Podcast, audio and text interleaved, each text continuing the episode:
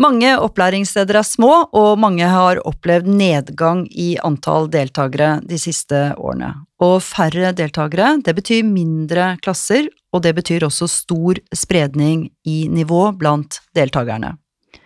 Hvordan løser man dette som lærer på en god måte, og hvordan kan den nye læreplanen være til hjelp? Det er det vi skal snakke om i denne episoden. Jeg heter Helene Uri, jeg er språkviter og forfatter, og du lytter til Læreplanpodden, en podkast av HK-DIR for deg som jobber i opplæringen for voksne innvandrere i norsk og samfunnskunnskap.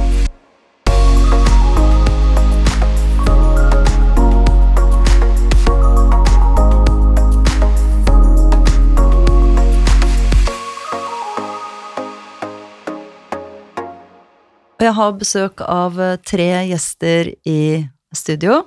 Det er Linda Martinussen. Velkommen til deg. Du er lektor ved videreutdanningen i norsk som andrespråk på Nord universitet.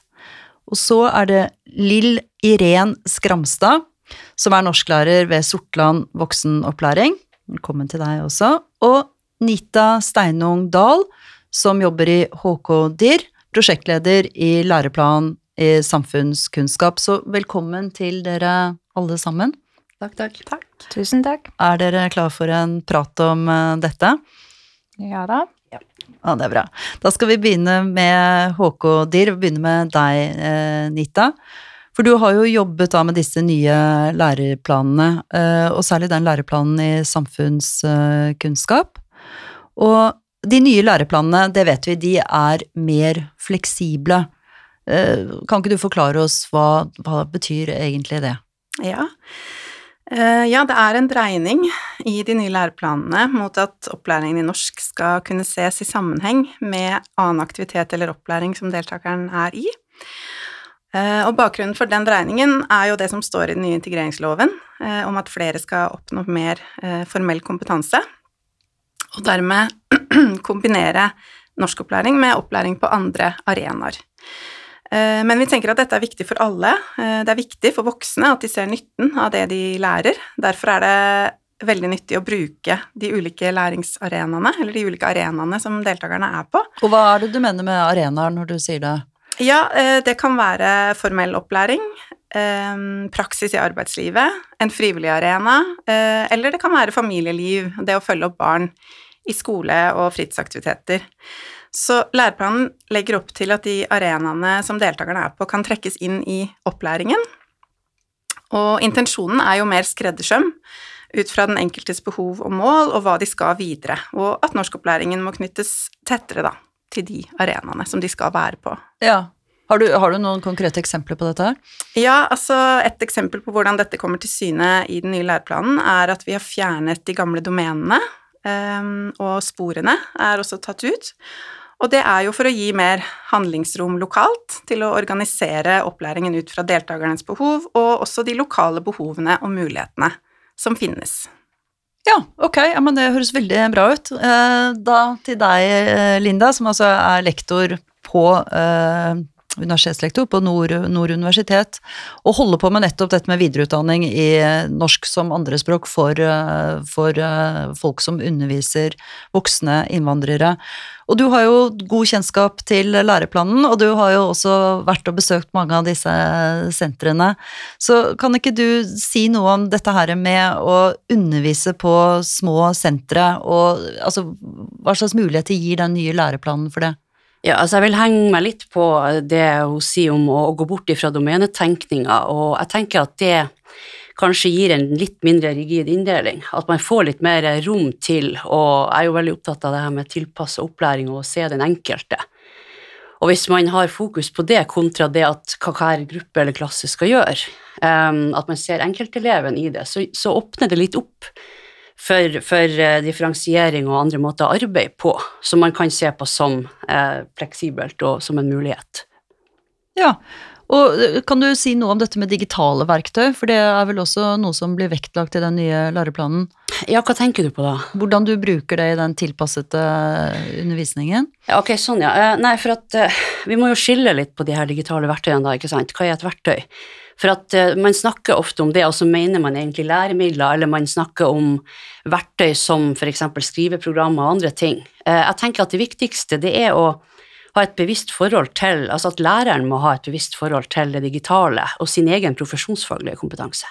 Hva er et verktøy, hva, hva gjør vi med dette? Så det er, det er, på en måte ikke sånn at man Man kan jo selvfølgelig liste opp og være på erfaringsdelingsarena og, og si noe om hva man har brukt i ulike appene til, eller Det er ikke alle som har en læringsplattform, for eksempel, ikke sant. Mm. Det er ikke alle som har abonnementer på alle disse veldig dyre uh, læremidlene som selges ut, for eksempel. Sånn at her må man på en måte kanskje ta et skritt tilbake og se på mulighetene i verktøy som eh, både er læremidler man kjøper inn, og som eh, hva er det vi har kompetanse på i kollegiet? Hva er det vi er gode på? Og det å tørre å leke litt, og tørre å utfordre seg litt. Vi har hatt et gjeng på utdanninga som har laga digitalfortellinger og gjort ting, og vært eh, både frustrert og lykkelig. Eh, mest lykkelig eller mest frustrert? Etter det jeg leste i går, så var de først frustrert og deretter relativt fornøyd. Det er jo den riktige utviklingen. Ja, men det er noe med å se altså, din egen praksis. Hvorfor gjør vi dette her? Og, og, og eh, det med å lære seg noen nye verktøy, kanskje. Ikke det at alt som er nytt og fancy skal være nødvendigvis bra, men vi vet at det å jobbe med varierte både metoder og, og verktøy er, er, motiverende. Det vet vi. Uh, vi vet ikke nødvendigvis Unnskyld meg en gang til. Vi vet ikke nødvendigvis uh, Vi kan jo diskutere dette med tekst på papir og tekst på skjerm, men, men det er på en måte litt irrelevant her. Fordi at det handler om, om en bredde i metodikk, og det handler om en, at um, eh, 63 av deltakerne i 2020 i introprogrammet er under 35 år gammel. Mm. Ikke sant? Og, og, hva, hva sier det? Det sier at de lever i en digital hverdag. Vi jobber mye med utvida tekstbegrep, uh, utvida sjangerbegrep, og hvordan vurderer vi digitale sjangre? Så det er noe med å tørre å, å stikke tåa litt inn der, og, og, eller, i vannet, og, og tenke at uh, hvordan skal jeg sette dette inn i en større sammenheng?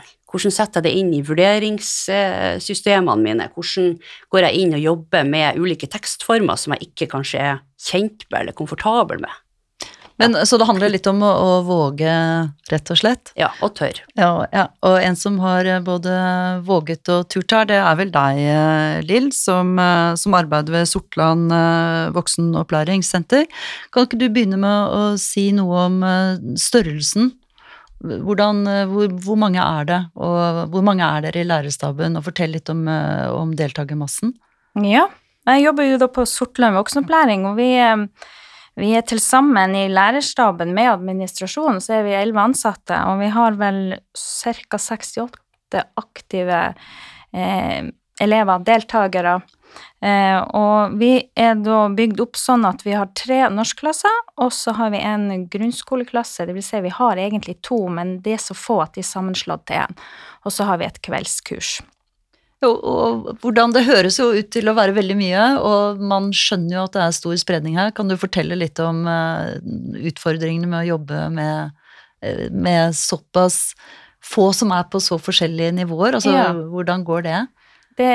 det? er jo sånn at, som, som jeg nevnte, at vi har tre norskklasser. Og uh, jeg jobber da i den klassen som har det laveste, de som har lavest nivå. Kanskje lavest bakgrunn òg. Eh, vi har jo eh, sporene fjerna, og vi har egentlig delt de inn etter nivå. Vi har jobba sånn ei stund. For det kan være at jeg har hatt elever inne i min klasse som har hatt flere års skolebakgrunn, men som har et så lite vokabular i norsk, og ja. som ikke har engelsk heller som bakgrunn. Sånn at for å få opp vokabularet. Men klart det, er, det er, kan være kjempespredning i klassen fra de som faktisk har gått fem års skolegang, til de som aldri har gått noe skolegang, og ikke har et eget skriftspråk, mm. og kanskje et stammespråk som sitt morsmål. Mm. Så eh, eh, spredninga er stor, ja. Mm. Og hva da med de nye læreplanene? Er det sånn at det gjør det lettere for dere å jobbe med, med en så forskjelligartet uh, deltakermasse som dere har?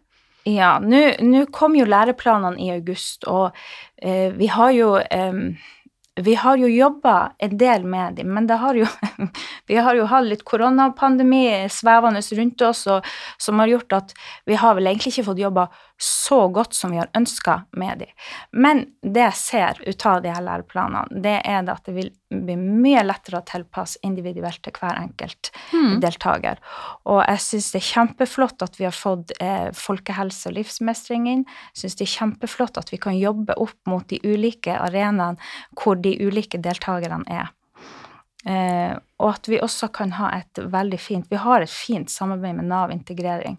Og Nav integrering har en, da kjøpt en, en tjeneste hos Sortland arbeidssenter som er knyttet opp mot praksis. Ja, for dette er jo noe av poenget, ikke sant? Å, Ja. få deltakerne ut i, Ja. ut i arbeidslivet. Ja, Ja. sånn at, at eh, n- en læreplan, han, han vil jo hjelpe oss til å kunne legge til rette mye mer spesifikt til hver enkelt deltaker. Mm. Ja. Linda, har du noe å tilføye her om eh, metoder og metodikk som eh, kunne passe for å Ja, at jeg har litt lyst til å si noe om det her med kartlegging og inntak. fordi at eh, ei utfordring som jeg har hørt fra mange eh, på små sentre rundt omkring, er jo det at det kommer, og det gjelder jo egentlig hele voksenopplæringa, er at det kommer eh, elever eller deltakere hele året. Det kommer folk plutselig, og så ferdig plutselig. Så det er ikke bare å tenke at ja, nå skal vi gjøre dette i år. Og dermed igjen blir det kjempeviktig å kunne tilpasse hvis du på en måte har den enkelte i fokus. Og, og så er det noe med at kartlegging er ikke bare testing. Det er ikke bare å snakke om nivå og plassere eh, Her har vi B1, her har vi A1.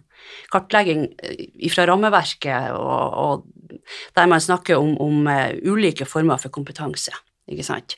Og hva er det vi har med oss, ikke bare hva vi kan av språk, men, men hva vi har av praktiske ferdigheter, eksistensielle ferdigheter generelt. Og, og dette med at læreren skal ha en kunnskap om det, det har vi tatt ganske tungt inn i det, det emnet, de- det videreutdanninga.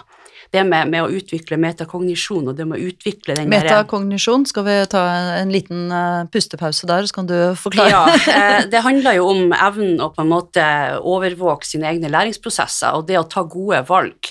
Og når vi snakker om læringsstrategier, så er det jo innlæreren sin strategi, ikke læreren sin metode vi snakker om. Og der er det noen sånne bevisstgjøringer som er viktig, både for, for deltakerne, men, men eh, også for lærerne kanskje, at vi ser litt på ikke bare det med å ta en test på hva du kan av lesing, skriving og muntlig, men hva er det du er god på når det gjelder eh, f.eks. å forstå din egen læringsprosess. Mm. Disse tingene er kjempeviktige, og de gir oss verktøy.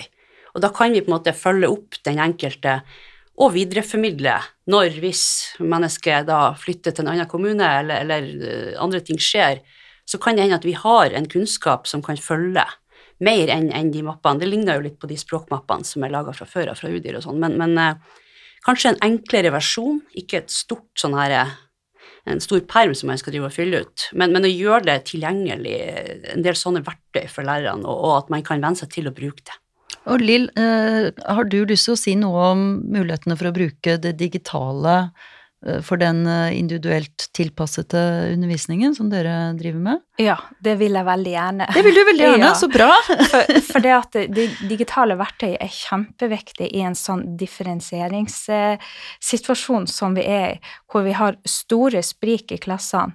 Vi kan tro at vi har ei ganske homogen gruppe, og så er det aldeles ikke det. det og progresjonen kan også være så forskjellig at spriket kan bli enda større.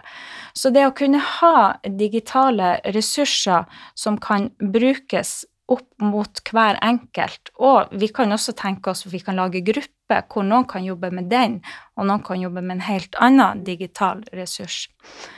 Og så syns jeg det er kjempeflott det at eh, læreplanen har lagt eh, til rette for at vi faktisk kan bruke mobiltelefonen eh, som et digitalt verktøy, og ikke bare si nei, vi skal ikke bruke mobiltelefonen, vi kan bruke den til Google Translate, og that's it. For vi har, vi har eksempler på f.eks. når vi skal ut og reise, hva vi må gjøre da? Jo, vi må ha en bussbillett. Hvor får vi tak i den bussbilletten? På en app. Så eh, sånne ting syns jeg er kjempefint at vi kan få lov å, å bruke. Og så håper jeg jo at det etter hvert eh, utvikles enda flere nettressurser. For det at samfunnet vårt er jo i stadig endring, og vi trenger hele tida nye ting. Så jeg ser jo behovet for å ha gode nettressurser. Eh, I min klasse, kan bare si litt om det, så, så bruker jeg Sesam som muntlig verktøy. Og der har jeg nettressurs. Jeg bruker i tillegg Basar, hvor vi kan jobbe med både lytte og lese og skrive. Og så bruker jeg litt Norsk Start for vokabularinnlæring. Og det kan jeg bruke på forskjellige elever i klassen min, alt etter hvilket nivå de er på. Og da kan de være litt selvdrivende òg, for det handler om når de sitter i klasserommet, det å kunne jobbe litt alene eh, og kunne kjenne på en mestringsfølelse med kanskje bare det å trykke på datamaskinen. Eh, og, og få, få, til å få en lyd ut av den. Det er jo helt fantastisk. Sånn at eh, det er veldig, veldig bra å kunne bruke nettressursene. Mm.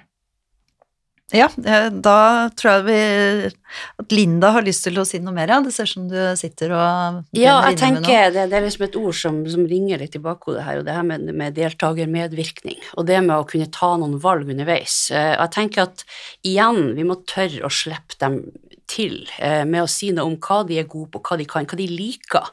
Eh, både når det gjelder læringsapper og når det gjelder andre ting.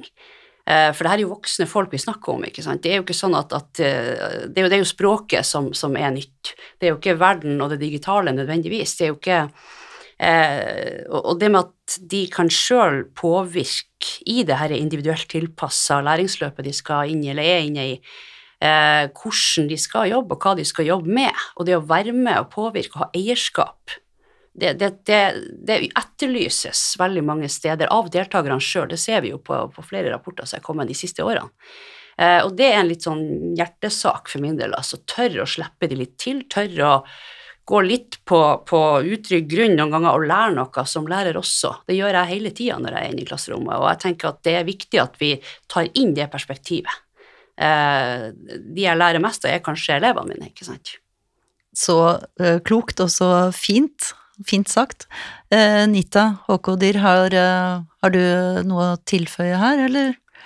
Eh, ja, jeg må bare si meg helt enig i det du sier der, eh, Linda. Eh, ressursperspektivet er jo også noe som ligger eh, veldig tydelig i denne nye læreplanen, og det handler jo om å ta i bruk den, de kompetansene og de, de ressursene som deltakerne har med seg. Så det også er noe som vi har eh, lagt mye vekt på i utviklingen av læreplanen, da. Så det er kjempesentralt. Og ellers så er det bare veldig inspirerende og eh, interessant å høre på det dere sier. Det er jo Ja. Eh, det er klart at læreplanen er jo fortsatt veldig ny, eh, og eh, det er jo ikke sånn at eh, idet den på en måte slippes ut i verden, så blir alt sånn Alt forandrer seg ikke over natta. Det er jo en prosess, og den er jo egentlig så vidt i gang, og vi står midt i det. Så det er eh, ja, veldig spennende, bare.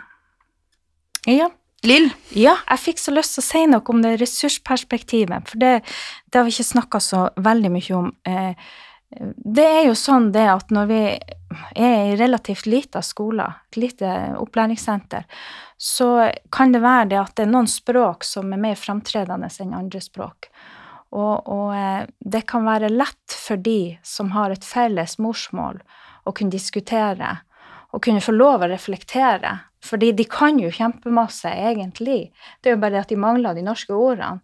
Og så har vi noen da som, sett, som gjør ei utfordring når vi er ganske små. da. De, de, sitter der og kanskje bare er den ene som har det, det morsmålet. Så eh, vi må jo prøve å jobbe litt rundt det der òg. Eh, og vi har, i min klasse så har jeg løst det sånn at jeg har satt meg i lag med kan du si, to eller tre som ikke har noen andre med felles morsmål. Og så får de lov å sette ei gruppe som har felles, felles, morsmål. Og så prøver vi å jobbe litt sånn for å løfte opp hverandre. Og så er det sånn at jeg prøver å lære meg litt grann ordet òg.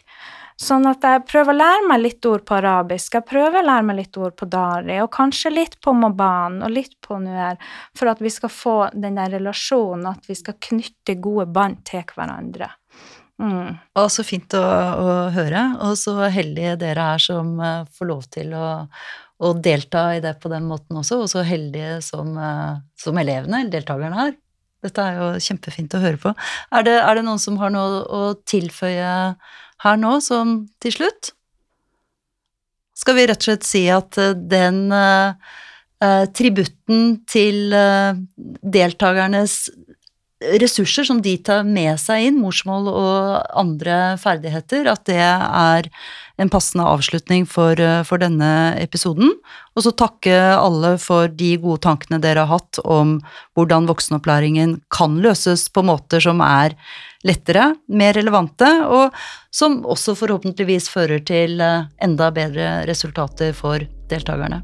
Så tusen takk til dere. Tusen takk. Takk.